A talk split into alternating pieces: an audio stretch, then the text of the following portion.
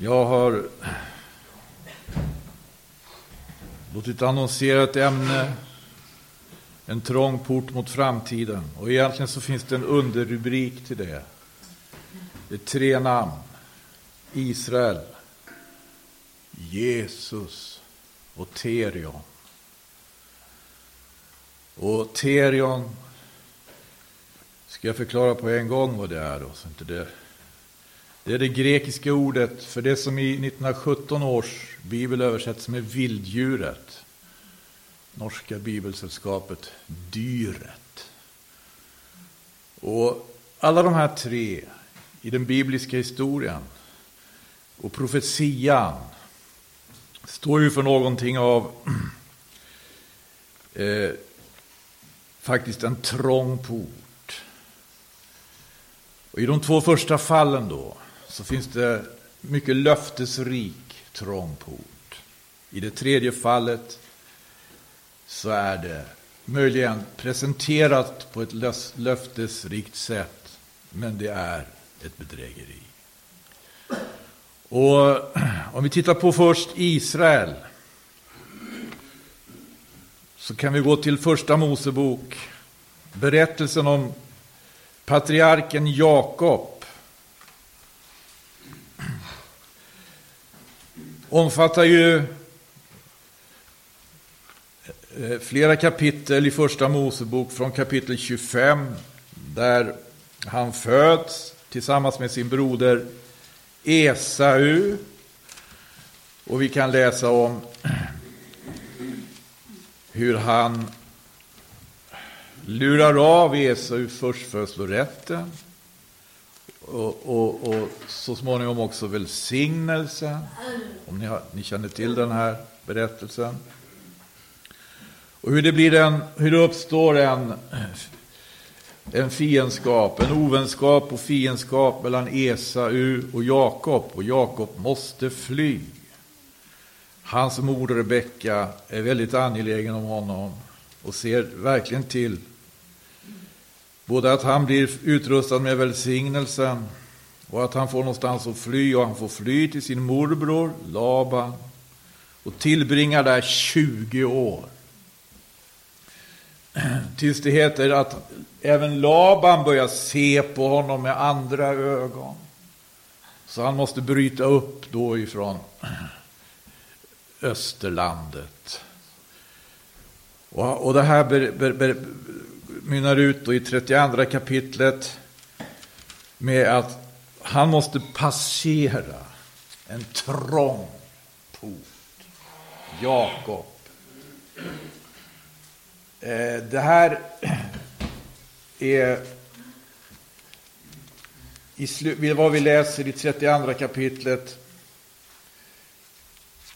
hur han omsorgsfullt förbereder att möta Esau. Esau har ju blivit kvar i Kanans land. Jakob måste fly därifrån.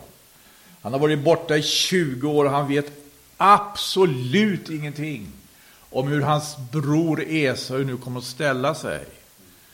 Och han vidtar väldigt omsorgsfulla åtgärder. Vi kan läsa om det i kapitel 32. Han beder, för det första i nionde versen. Min far Abrahams Gud och min fader Isaks Gud, Herre, du som sa till mig, vänd tillbaka till ditt land och till din släkt, så ska jag göra dig gott. Jag är för ringa till all den nåd och all den trofasthet som du har bevisat din tjänare. För jag hade inte mer än min stav när jag gick över denna Jordan, och nu har jag förökats till två skaror. Rädda mig undan min broder Esaus hand. För jag fruktar att han kommer och förgör utan att ens skona mödrar och barn. Du har själv sagt, jag ska göra dig mycket gott och låta din säd bli så som havets sand, som man icke kan räkna för, deras, för dess myckenhets skull. Vilken bön! Och det är verkligen han åberopar Guds löften här. Löftena hade ju givits både till farfar Abraham och pappa Isak och till honom själv också. Och han stannade där den natten. Av det han hade förvärvat tog han ut till skänker åt sin bror Esau. 200 getter och 20 bockar, 200 tackor och 20 vädurar. 30 kamelston som gav de jämte deras föl, därtill 40 kor och 10 tjurar samt 20 åsninnor med 10 föl. Och han lämnade detta i sina tjänares vård, var jord för sig, och sa till sina tjänare, gå framför mig och låt ett mellanrum vara mellan jordarna. Och han bjöd den förste och sa, när min bror Esau möter dig och frågar dig, vem tillhör du och vart går du? Och vem tillhör djuren som du driver framför dig?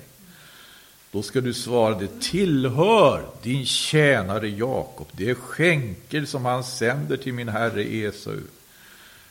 Och själv kommer han här efter oss. Och han bjöd likaledes den andra och den tredje och alla de övriga som drev jordarna. Så som jag nu har sagt det ska ni säga till Esau när ni kommer fram till honom. Och ni ska vidare säga, också din tjänare Jakob kommer här efter oss. För han tänkte, jag vill blidka honom med de skänker som går före mig. Sen vill jag själv komma inför hans ansikte. Kan hända tar han då nådigt emot mig. Här kan vi räkna vilken, vilken jord, vilka jordar han hade fått och tillförskaffa sig när han slet och släpar hos Laban. Och hur många är det som han ger till uppdrag då att komma före honom och möta Esau? Och så gör han ytterligare då en extra försiktighetsåtgärd. I 22 versen läser vi, under natten stod han upp och tog sina båda hustrur och sina båda tjänstekvinnor och sina elva söner och gick över Jabboks vad. Han tog dem och förde dem över bäcken och förde tillika över vad han eljest ägde. Och Jakob blev ensam kvar. Då brottades en man med honom till dess morgonrodnaden gick upp. Och det är det här jag tänker när jag säger att Jakob fick gå genom en trång port. En man brottades med honom. Och när denne såg att han inte kunde övervinna Jakob gav han honom ett slag på höftleden så att höften gick ur led under det att han brottades med honom. Och mannen sa, släpp mig, för morgonrodnaden går upp. Men han svarade, jag släpper dig icke med mindre du välsignar mig. Då sa han till honom, vad är ditt namn? Han svarade Jakob. Han sa, du ska icke mer heta Jakob, utan Israel. För du har kämpat med Gud och med människor och vunnit seger. Då frågade Jakob och sa, kan, låt mig veta ditt namn. Han svarade, varför frågar du efter mitt namn? Han välsignade honom där. Men Jakob gav platsen namnet Peniel, för han sa, jag har sett Gud ansikte mot ansikte, och dock har mitt liv blivit räddat. När han hade kommit förbi Penuel såg han solen gå upp, men han haltade på höften. För den skulle äter Israels barn ännu idag inte höftsenan som ligger på höftleden. Därför nämligen att han gav Jakob ett slag på höftleden på höftsenan. Det här var patriarken Jakob som fick namnet Israel och välsignelse och löften. Med det här tog han sig igenom den här trånga porten. Den här kampen med Gud innan han mötte Esau. Och vad det här talar om, det är ju bland annat en, en andlig strid naturligtvis, en andlig kamp. Kanske en bild på en bönekamp. Genom den här bönekampen så förvandlades ovännen, den tidigare ovännen, förvandlades hans hjärta. Så de kunde mötas. Det, kommer vi läsa, det kan vi läsa om i, i nästa kapitel. Och han blev ju, och han var ju redan på det här stadiet, far till då elva söner. Det skulle komma en till. Det blev Israels tolv söner. Som blev Israels tolv stammar. Och i Israels sköte, vet vi, så har den kristna församlingen uppstått. Den kristna församlingen. Som Kristus själv bygger. Han säger till Simon Petrus, jag ska bygga min församling. Och Jesus, vet vi, han får gå genom en trång port. Trängre än någon annan. Och det här, liksom för Israel, handlar ju om att det siktar ju mot framtiden. När Israel kämpar med Gud, den här kampen, och återvänder till landet som Gud med ed hade lovat åt både honom och hans fäder Abraham och Isak att ge åt Israel. Då siktar ju det mot framtiden. Israels folk kommer så småningom att uppstå. Det blir på ett alldeles särskilt sätt ett framtidens folk. Ett framtidens folk. Märkligt, mitt under allt som kan drabba det här folket. Som vi kan läsa om på Bibelns blad och även i den allmänna historien. Så finns fortfarande det här att Gud vakar ju över det här folket. Och därför så så det, det har med, med, med framtiden att göra. Men en framtid i världen, en framtid på jorden. Jesus får gå genom en trång port. Han får gå genom en trång port. dessutom så tillhör ju det hans undervisning. Han talar om en trång port. Han talar om att gå genom en trång port. Det här kan vi läsa om i bergspredikan. Och han demonstrerar ju själv genom sin lydnad att eh, det är det han själv först och främst gör. Hur pass trång? Ja, det här läser vi om i exempelvis Lukas evangeliet. När han kommer till korset, till Golgata förs dit, som det heter, i 23 kapitlet ja, i Lukas evangelium. Han förs till Golgata.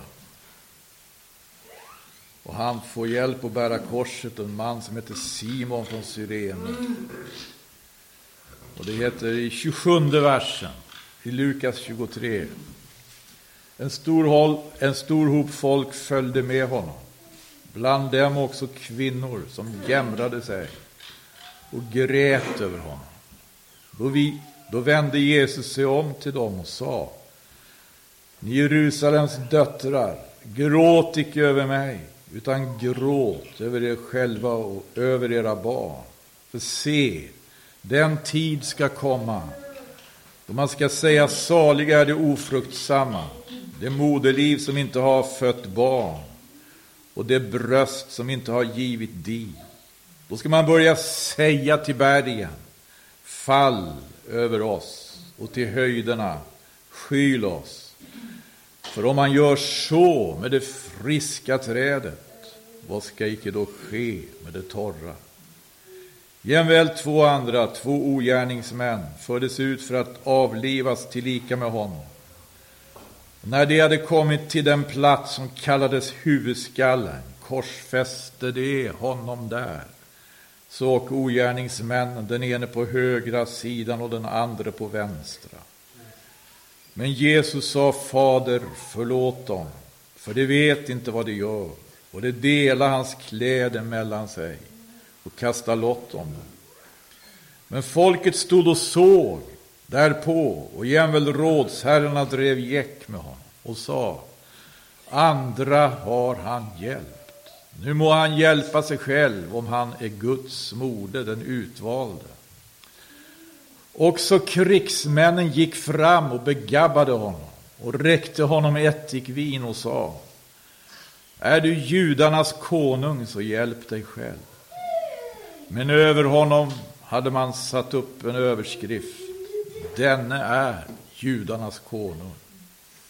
Och en av de ogärningsmän som var där upphängda smädade honom och sa Du är ju Messias, hjälp då dig själv och oss. Då tillrättavisa honom den andre och svarade och sa Fruktar icke heller du Gud, du som är under samma dom. Oss vederfars detta med all rätt, för vi lida vad våra gärningar är värda. Men denne man har inget ont gjort. Sedan sa han, Jesus, tänk på mig när du kommer i ditt rike. Han svarade honom, sannerligen säger jag dig, idag ska du vara med mig i paradiset. Det var nu omkring sjätte timmen, då kom över hela landet ett mörker som varade ända till nionde timmen, i det att solen miste sitt sken och förlåten i templet rämnade mitt i tu. Och Jesus ropade med hög röst och sa, Fader, i dina händer befaller jag min ande. Och när han hade sagt detta gav han upp andan. Men när hövitsmannen såg vad som skedde prisade han Gud och sa, så var då denne verkligen en rättfärdig man. Och när allt folket, det som hade kommit tillsammans för att se här på så vad som skedde, slog de sig för bröstet och vände hem igen. Jesus Kristus hade dött på korset. Han dog. Det var den trånga porten. Han gick igenom. För att bereda en framtid, inte i denna värld. Inte i denna värld. Framför allt. Utan i den tillkommande världen. Och eh, det här är faktiskt mycket allvarligt. Israel kämpar med Gud. Jakob hette han. Han fick namnet Israel genom att han brottades med Gud. Och så fick han ett slag på höft sedan höften gick ur. Han fick ett, Israel fick ett slag. Och han började halta. Men Jesus dog. Han dog på korset. Israel fick gå igenom den här kampen med Gud. Han fick det här slaget för att han skulle vara alltså och, och bli det han var, en av patriarkerna. Och far till tolv söner. Som blev tolv stammar som vi följer, som vi följer genom historien, i skriften. Och så kan vi läsa också den allmänna historien. Det finns framställningar om den också, och, där också. Fram till dagsläget. Då det här folket, Israels folk, fortfarande finns i världen som ett folk. Men ett, deras öde är verkligen så märkligt. Ja, så märkligt.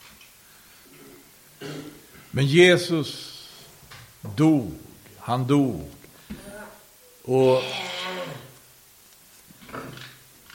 vi, vi är saliga och vi prisar Gud därför att det var inte slutet. Fast han dog. Han uppstod också.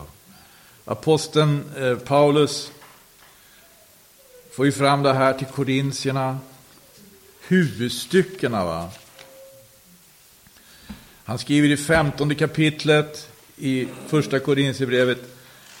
Mina bröder, jag vill påminna er om det evangelium som jag förkunnade för er, som ni jämväl tog emot och som ni ännu stod kvar i.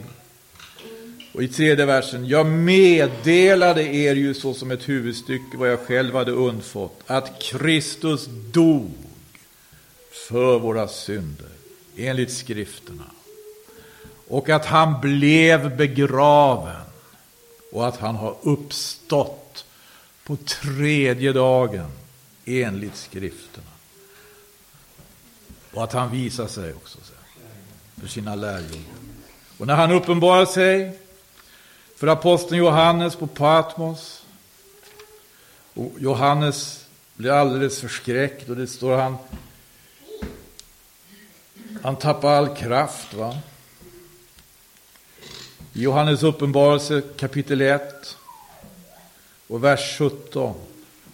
När jag såg honom föll jag ner för hans fötter såsom hade jag varit död. Men han la sin högra hand på mig och sa, frukta icke. Jag är den förste och den siste och den levande. Jag var död. Jag var död. Men se, jag lever i evigheternas evigheter och har nycklarna till döden och dödsriket. Så tala om att bereda en framtid, inte bara ett land nu i geografi. Va? Som gällde för Israel. Va? Och gäller väl än i visst avseende, jag vet inte. Utan ett liv.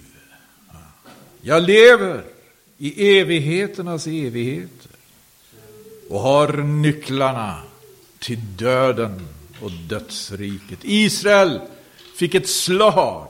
Israel fick ett slag. Patriarken som måste gå igenom en trång port, så trång den nu var, den var verkligen det. För han visste inte, vilken, e- han visste inte hur Esau skulle ta emot honom. Men han fick veta. Efter denna kamp så fick han ju möta Esau. Och jag tror aldrig jag har läst att någon någonsin har fått sådana hedersbetygelser som Esau fick av Jakob. När i det 33 kapitlet han bugar sig sju gånger ner till jorden. Då han närmar sig honom.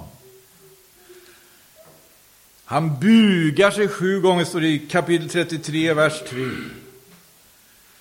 Till dess han kom fram till sin broder. Men Esau skyndade emot honom och tog honom i famn och föll honom om halsen och kysste honom och det grät. Han som hade varit sån ovän, han som hade varit en fiende, han som hade velat döda Jakob. Nu, nu, nu uppträdde han nästan som fadern i liknelsen om den förlorade sonen. Fadern Isak finns ju inte med, men äldste brodern, äldste brodern som egentligen skulle ha förstfödslorätten, äldste brodern som egentligen skulle ha välsignelsen. Men förlorar allt.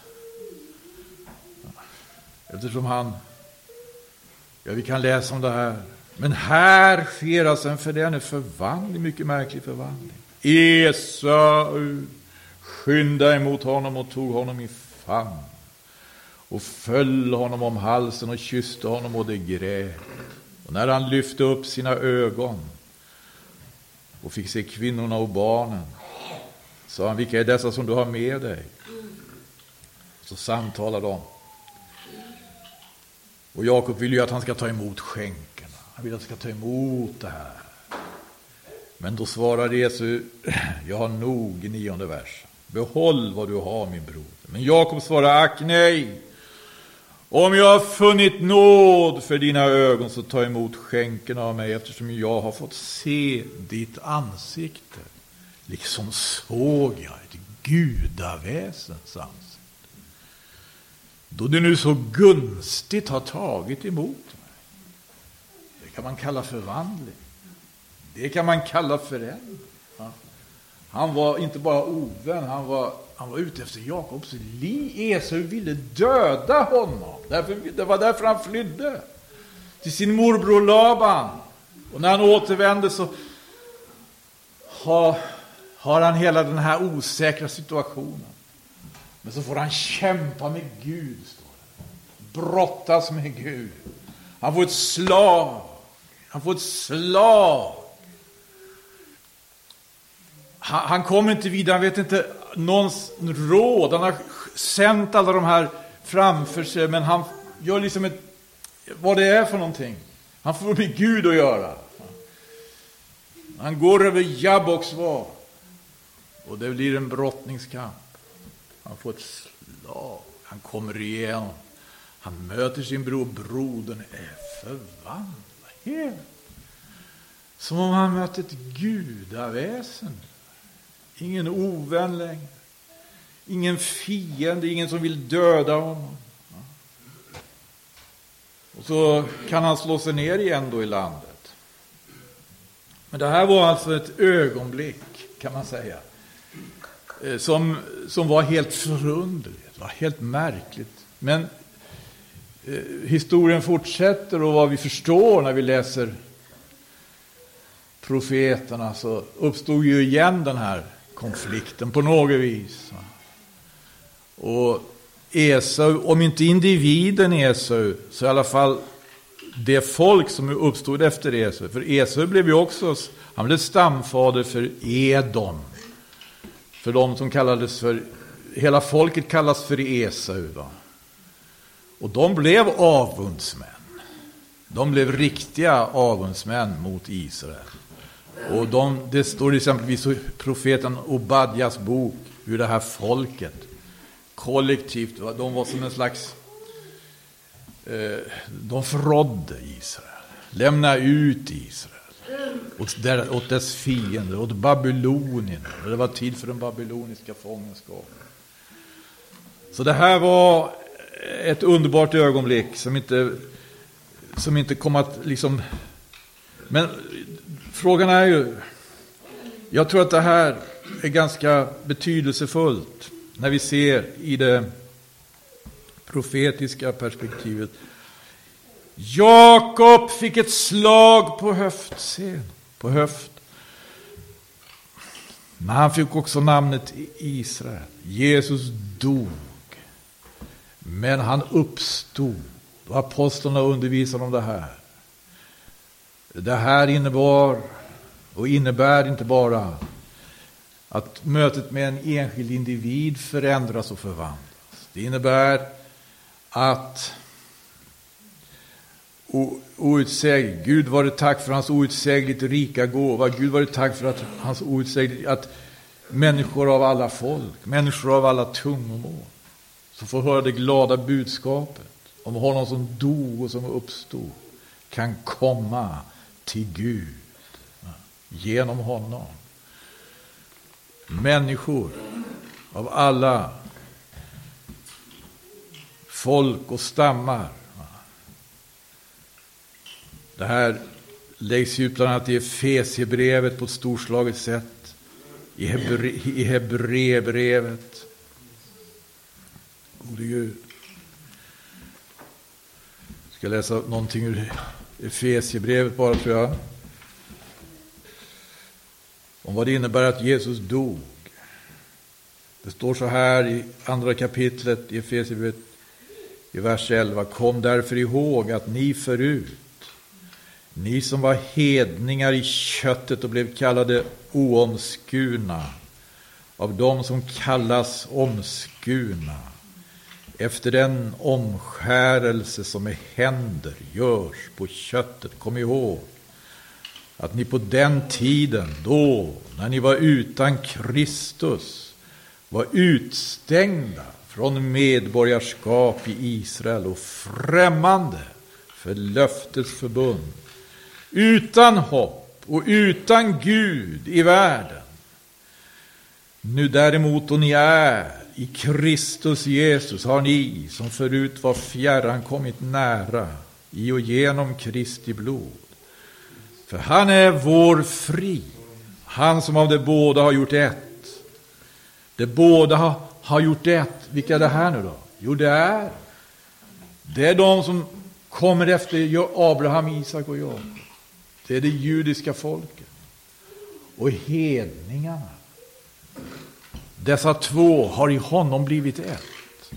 Det fanns tidigare väldiga skiljemurar. Vet du. Lagen, lagen drar ju upp skiljegränserna.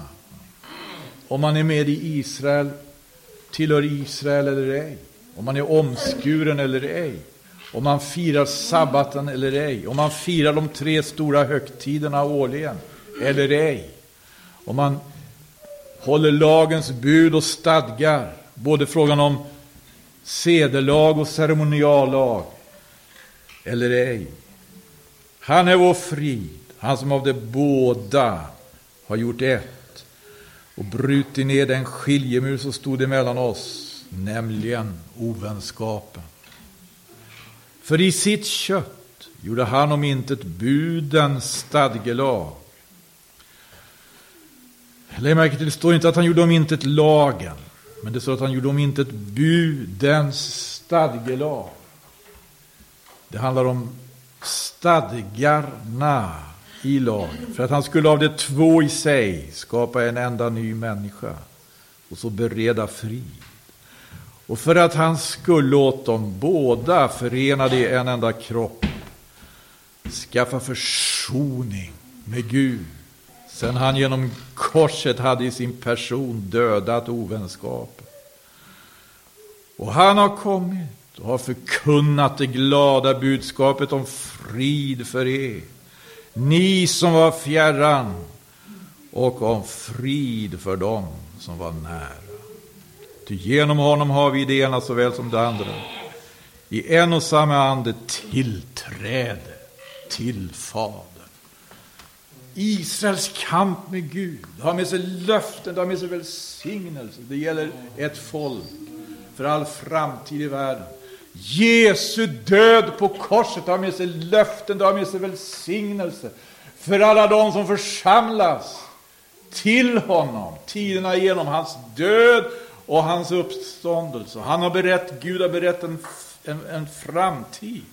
Inte på jorden och i världen först och främst. Utan hos Gud. I evigheten. I min faders hus finns många boningar. Gode Gud. Jag sa tre namn. Israel, Jesus och Terion, eller vilddjuret. På vilket sätt representerar vilddjuret en trång port?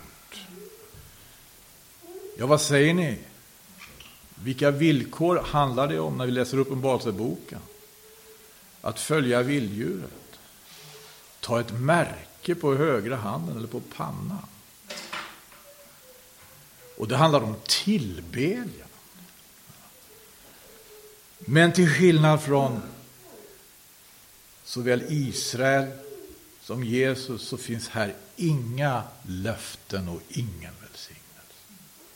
Utan det är ett bedrägeri. Ett bedrägeri. Ska vi titta på Uppenbarelsebokens trettonde kapitel. Och finns här en framtid, hörni, så är den kort och förskräcklig. Vi kan läsa om den här synen som aposteln Johannes ser. Då han såg Terion, han såg vilddjuret stiga upp ur havet. Det hade tio horn och sju huvuden. Och på sina horn hade det tio kronor och på sina huvuden hädiska namn. Och vilddjuret som jag såg liknade en panter, men det hade fötter så som en björn och gap så som ett lejon. Och draken gav det sin makt och sin tron och gav det stor myndighet. Och jag såg ett av dess huvuden vara liksom sårat till döds, men dess dödssår blev läkt. Och hela jorden såg med förundran efter vilddjur, eller undrade efter. Israel fick ett slag på höften. Jesus dog, Terion, vilddjuret. Läser vi här, fick ett dödssår, får ett dödssår. Men dess dödssår blev läkt. Ett av dess huvuden. Det, det är någonting här som påminner om Daniels sjunde kapitel. Och det är också någonting av den här, det är ett slags dödsdrama.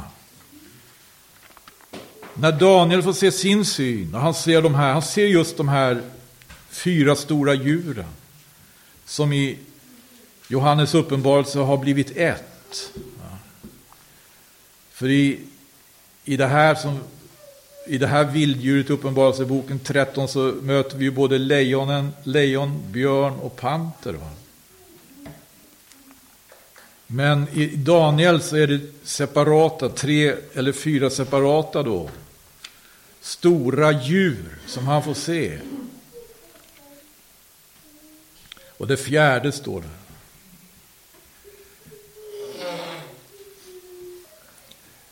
I Danielsbokens sjunde kapitel och sjunde vers. Ett fjärde djur övermåttan förskräckligt, fruktansvärt och starkt. Det hade stora tänder av järn. Det uppslukade och krossade och vad som blev kvar trampade det under fötterna. Det var olikt alla de förra djuren och hade tio horn.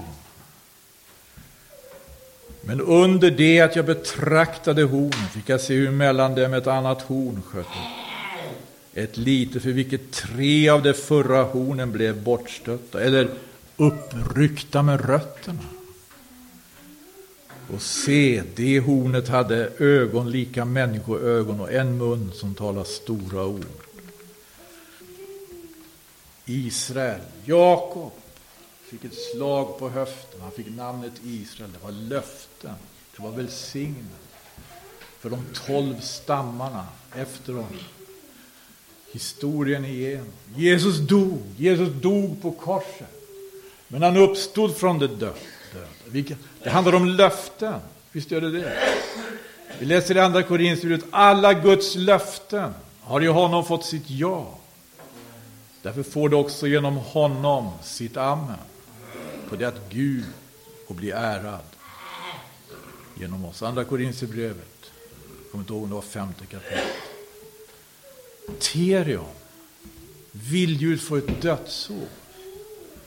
Och det drar till sig hela, jo, hela världens uppmärksamhet. Men det har, det har inte med sig någon, några löften. Det har inte med sig någon välsignelse. Det har inte med sig någon framtid, även om det är det det anspelar på. Och Det är just det här det, när vi läser undervisningen om Antikrist så lägger jag märke till någonting som är som är faktiskt värt att uppmärksamma, tror jag. Jag, jag har tagit de här ganska så, vad ska vi säga, det finns ju, det finns ju hos apostlarna en undervisning om Antikrist. Den här synen den är ju ganska så nästan skräckinjagande. Men det finns det finns liksom, om vi säger som så, principer här som det gäller att vara uppmärksam på. Om, om, om, om vilddjuret fick ett dödssår, står det här. Det var sårat till döds, men dess dödssår blev läkt. Så kan man ju förstå att det, det, det, det handlar om någon slags imitation. Imitation. På ett motsvarande sätt som Jesus dog och uppstod. så kommer det här alltså vilddjuret få ett dödssår. Och, men återhämta sig. Och det kommer liksom att dra till sig hela, hela världens uppmärksamhet. Och det kommer att öppna vägen till en framtid som är väldigt kort och helt igenom förskräcklig. Och det här varnar både Herren Jesus och apostlarna för. Och tror vi ska kunna kanske titta lite närmare på det här. Eh, men eh, om jag hinner med så mycket nu vet jag inte. Men vi kan stilla oss lite grann. Ska vi tala med Herren? Led bön och hjälp. Hjälp och Gud. Halleluja. Vi prisar dig Herre, vi tackar dig. Herre, vi beder. Herre, vi beder. Du som har all makt, Herre, hjälp oss vi vaksamma, vaksamma gode Gud. Du har sagt att vi ska vara vaksamma. Inför det här ordet, inte utan vidare som det står nedskrivet. Gode Gud, och de tider vi lever i sagt och alliseras onekligen de här frågorna. Det är inte bara vi som sitter och funderar på tidsålderns avslutning. Det är många som gör det. Men vi har här i ordet klara besked, gode Gud. Det är en sak att det finns löften i Bibeln. Det finns också förutsägelser. Men löften är ju inte alltid detsamma som förutsägelser, det förstår vi. När vi läser löftena till Israel, exempelvis. Eller löftena som är knutna till Jesus. Så det är något väsentligt helt annat än förutsägelser om Antikrist. För det finns ingenting som har med löften att göra. Det finns ingenting som har med löften. Även om den här makten vill gör, framträda på ett löftesrikt sätt. Det här är ju det typiska. Vi vet att vilddjuret är ju instrumentet för draken.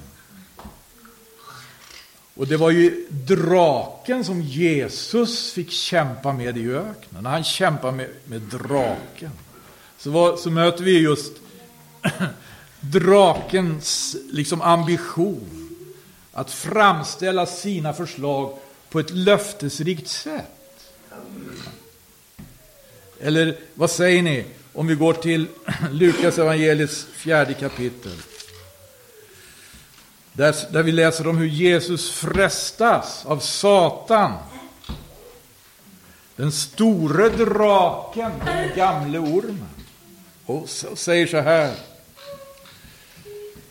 Djävulen, står det i femte versen, förde honom på en, upp på en höjd och visa honom i ett ögonblick alla riken i världen och sade till honom, åt dig vill jag ge makten över allt detta med dess härlighet.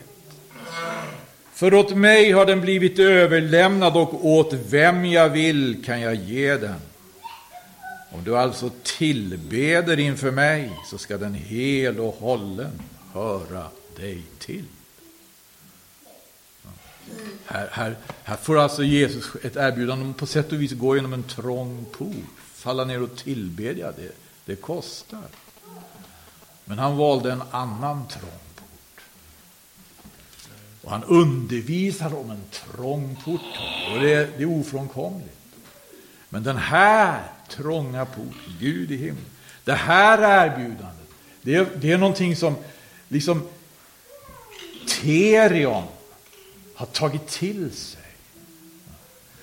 Och vad är det här vilddjuret med sju huvuden och tio horn? Om inte alla riken i världen och all dess härlighet på ett sätt förkroppsligat, representerat, koncentrerat till en viss då Eh, det fick ett dödssår. Dess dödssår blev läkt. Ett dödsdrama som snabbt fångar hela världens uppmärksamhet. Och vi vet att det här, det här är ett fenomen som faktiskt inte alls är uteslutet. Allt ifrån John Kennedy till Paul Pelosi så har plötsligt liksom så kastas det. Alltså man kan ta exempel från andra håll också i historien. Så kastas det fram medialt. Media basunerar ut och kablar ut någonting. Och det här det står förutsagt att det ska komma eh, någonting av det här slaget. Allas uppmärksamhet ska fångas. Det står vi ska ta profeterna som talade i Herrens namn till våra förebilder i att uthärda lidande och visa tålamod. Jag, jag tror vi ska, vi ska ägna oss lite mer åt Uppenbarelsebokens syner imorgon. Jag ska inte gå så långt med den nu här. Jag ska bara ta med någonting. Men ytterligare talar vi med Herren. Led i bön, led i bön.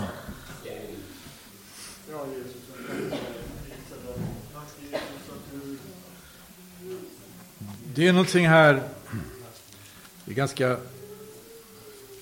När vi läser Uppenbarelsebokens trettonde kapitel, en allmän, så att säga, hållning som jag tycker...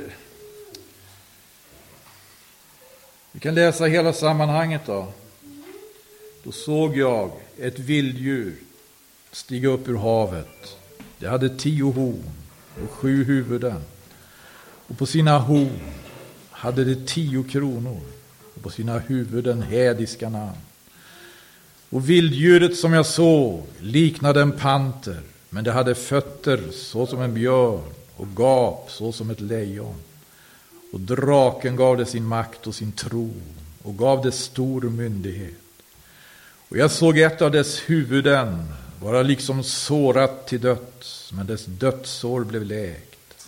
Och hela jorden såg med förundran, eller undrade efter, wondered after the beast, undrade efter vilddjuret.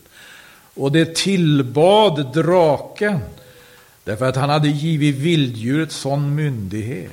Det tillbad och vilddjuret och sa, vem är lik vilddjuret? Och vem kan strida mot det? Faktiskt andemeningen här uppfattar jag är exakt densamma som i 73 salmen i Saltaren. I 73 salmen i Saltaren har vi det här.